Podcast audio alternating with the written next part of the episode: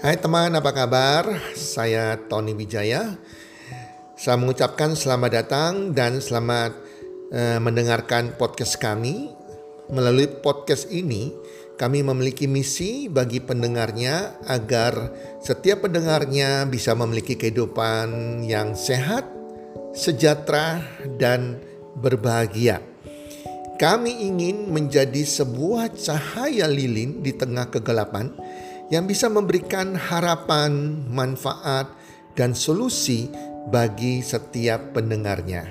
Selamat mendengarkan podcast kami dan semoga Anda menjadi pendengar untuk podcast-podcast kami berikutnya. Salam 1 2 3 salam sehat, sejahtera dan bahagia.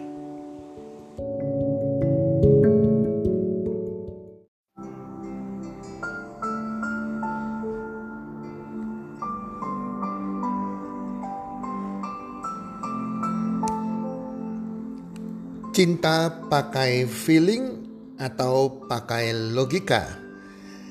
Hai para pendengar podcast di mana pun Anda berada saat ini. Semoga Anda bersama keluarga selalu sehat walafiat, berbahagia selalu, dan makin bertambah banyak rezekinya. Para pendengar, kali ini saya akan membahas tentang perjodohan. Teman-teman, zaman sekarang ini beda dengan zaman orang tua kita, zaman kakek nenek moyang kita zaman dulu. Di mana kalau zaman dulu kalau nyari pasangan biasanya dicariin sama orang tua kita atau keluarga kita atau ada mak jomblang yang mencarikan. Jadi memang ada orang tua yang mencarikan ya jadi tidak mencari sendiri itu zaman dulu dan kalau kita melihat kehidupan kakek nenek kita, orang tua kita yang zaman dulu yang gak lewati masa pacaran tapi dicomblangin ya, dijodohkan, fine-fine aja hidup mereka sampai tua tidak pernah adanya perceraian. Tapi zaman modern ini itu beda sudah. Anak-anak zaman sekarang, para kaum muda nggak mau lagi dicariin, dijodoh-jodohin. Zaman sudah berubah katanya, jadi maunya nyari pasangan sendiri. Dan kalau kita melihat perceraian, tingkat perceraian itu lebih banyak zaman sekarang ini yang mencari pasangannya sendiri dibandingkan dengan zaman dulu para pendengar. Nah sekarang sebetulnya mana sih yang benar? Mau nyari pasangan sendiri atau dicarikan seperti zaman dulu ya. Konsepnya sebetulnya beda sebetulnya. Keduanya bisa dimix digabungkan sebetulnya. Para pendengar kalau zaman sekarang anak-anak muda sekarang itu tidak mau dijodohkan. Jadi semuanya mencari pasangan tuh pakai feeling ya pakai feeling pokoknya. Dia merasa feelingnya waduh dia orangnya nyaman, feelingnya, wah kalau bicaranya kok nyambung ya. Nah, kok kayaknya feeling saya orang ini perhatian banget sama saya pasangan saya ini. Feelingnya mengatakan, wow pasangan saya enak diajak bicara deh. Jadi semuanya pakai feeling. Kalau feelingnya sudah pas dengan seseorang, intinya walaupun pasangannya itu kuliahnya gak lulus-lulus atau bahkan penghasilannya kalau yang perempuan ini punya pacar, prianya penghasilannya lebih lebih kecil dari penghasilan si wanitanya, gak masalah. Yang penting feeling saya cocok pokoknya. I don't care pokoknya. Beda agama juga I don't care. Penghasilan dia kecil I don't care. Suku bangsanya beda I don't care. Jadi semuanya pakai feeling. Yang penting saya rasa cocok, feeling saya cocok, saya suka ya jalan tanpa pertimbangan-pertimbangan yang lain. Sedangkan kalau zaman dulu kalau zaman dulu bahkan sampai sekarang masih berlaku ya. Apalagi di di orang Jawa ya, di suku Jawa itu mereka memilih jodoh dengan memakai filosofi Jawa yang berkaitan dengan kriteria mencari jodoh atau mencari pasangan hidup yaitu yang namanya bobot, bibit, bebet. Nah, bobot, bibit, bebet ini biasanya dipegang oleh orang tua untuk memperoleh gambaran tentang calon menantunya ini. Filosofi Jawa ini sebetulnya bukan filosofi Jawa, tetapi filosofi Jawa saja yang menggunakan bibit, bebet, bobot atau bobot, bibit, bebet tersebut. Tetapi beberapa, bukan beberapa sih, hampir orang-orang Asia itu juga menggunakan hal ini sebetulnya. Menilai seseorang calon menantunya dengan bobot, bibit, bebet. Baik itu calon menantu yang wanita maupun calon menantu pria. Itu lebih ketat lagi penilaiannya.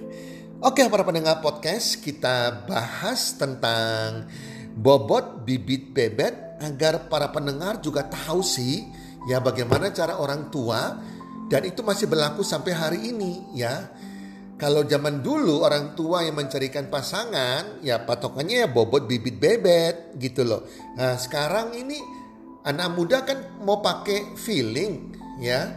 Kalau orang tua pakai logika logikanya ya berkaitan dengan bobot bibit bebek penilaian mereka.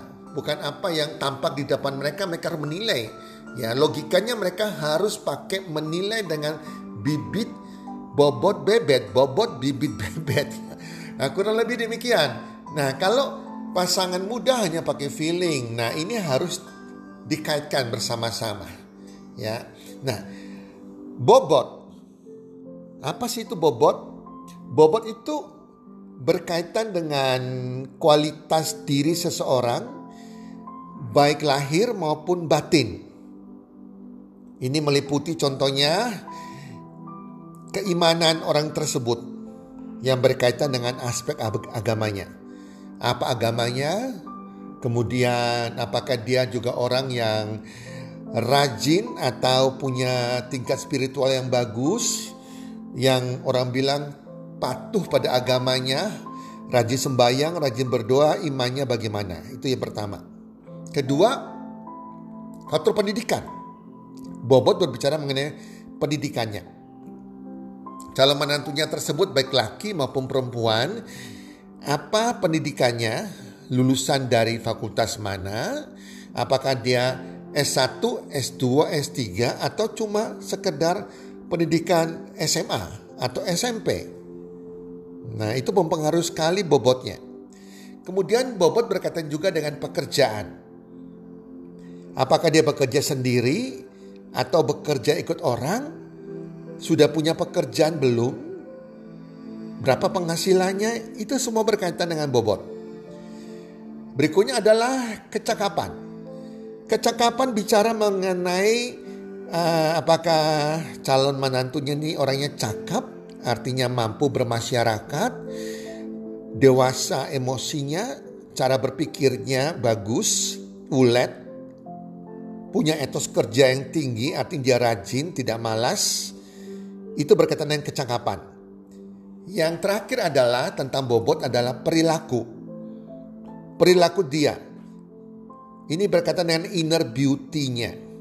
Apakah pasangan calon menantu tersebut baik hati, tahu tata krama, sopan santun, tahu membawakan diri, perkataannya kasar atau tidak, peduli pada pasangannya, pada orang tuanya, ataupun kepada orang lain.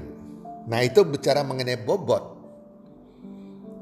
Nah, sekarang kita masuk dengan yang namanya bibit Bibit artinya benih atau keturunan. Bibit bicara mengenai asal usul keturunannya. Jadi harus tahu jelas keturunannya.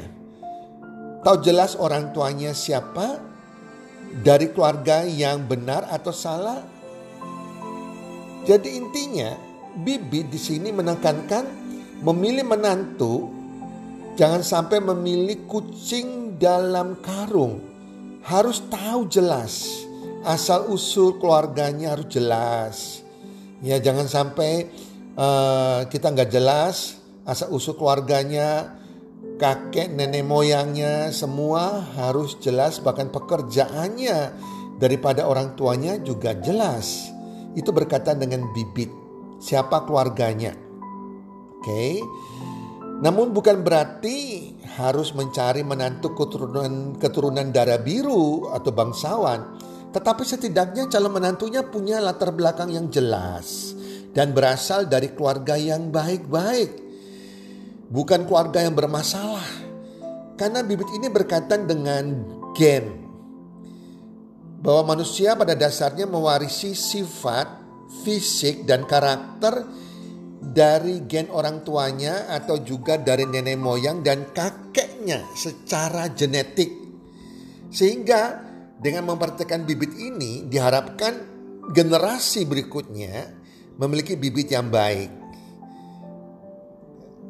Nah itu maksudnya tentang bibit. Bebet. Nah bebet ini kalau bahasa Jawa bebet itu artinya cara berpakaian. ya. Bebet tuh berkaitan dengan uh, apakah kesiapan seseorang calon menantunya ini bisa memberi nafkah kehidupan. Nah, ini menitik beratkan kalau bebet ini kepada aspek ekonomi dan harta. Apakah calon menantunya ini bisa menafkahi keluarganya, menafkahi anak-anaknya nantinya. Ekonominya cukup tidak. Nah, bebet merupakan berkaitan dengan status sosial dari calon menantu maupun keluarga calon menantu tersebut. Sehingga banyak sekali orang-orang yang kaya cari juga dari keluarga yang kaya yang sama bebetnya. Sebetulnya bebet ini dalam urutan ketiga sebetulnya. Jadi bisa penting, bisa tidak terlalu penting. Kalau anak kita perempuan, jelas kita menekankan pentingnya bebet ini.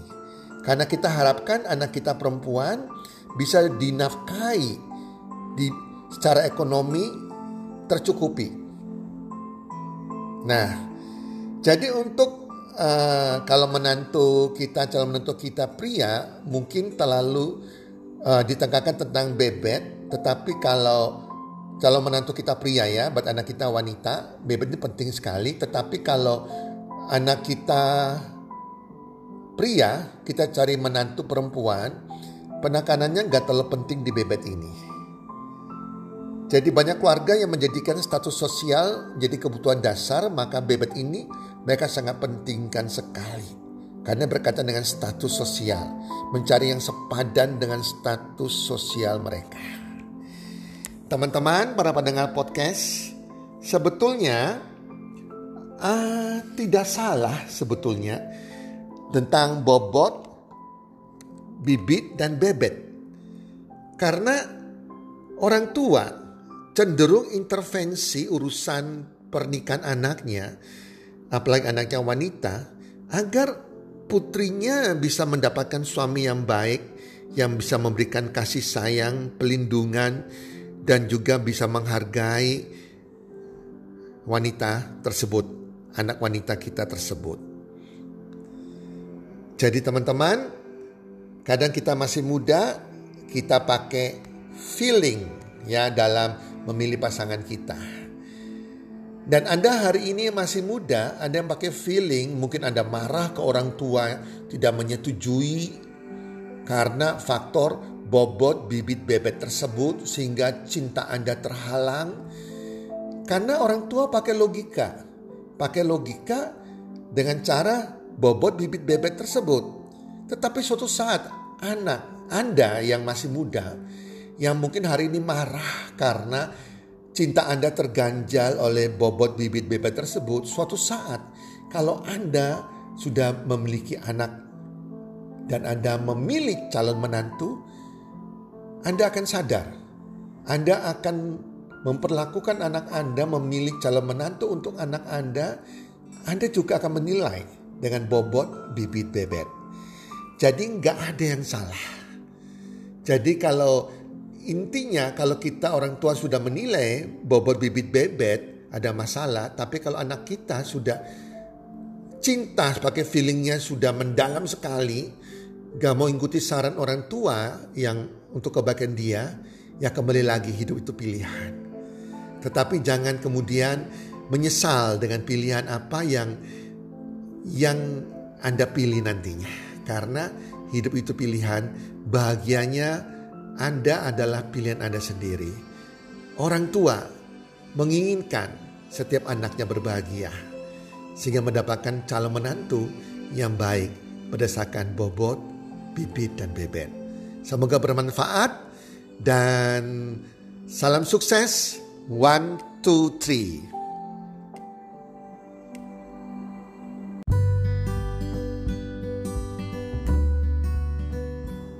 Terima kasih sudah mendengarkan podcast kami.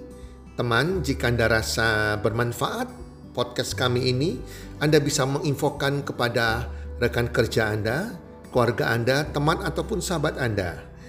Dan jika ada hal-hal yang Anda ingin tanyakan kepada kami ataupun topik-topik apa yang Anda ingin kami bawakan, kami sampaikan, Anda bisa DM kami di Instagram kami Salam one two three, salam sehat, sejahtera dan bahagia.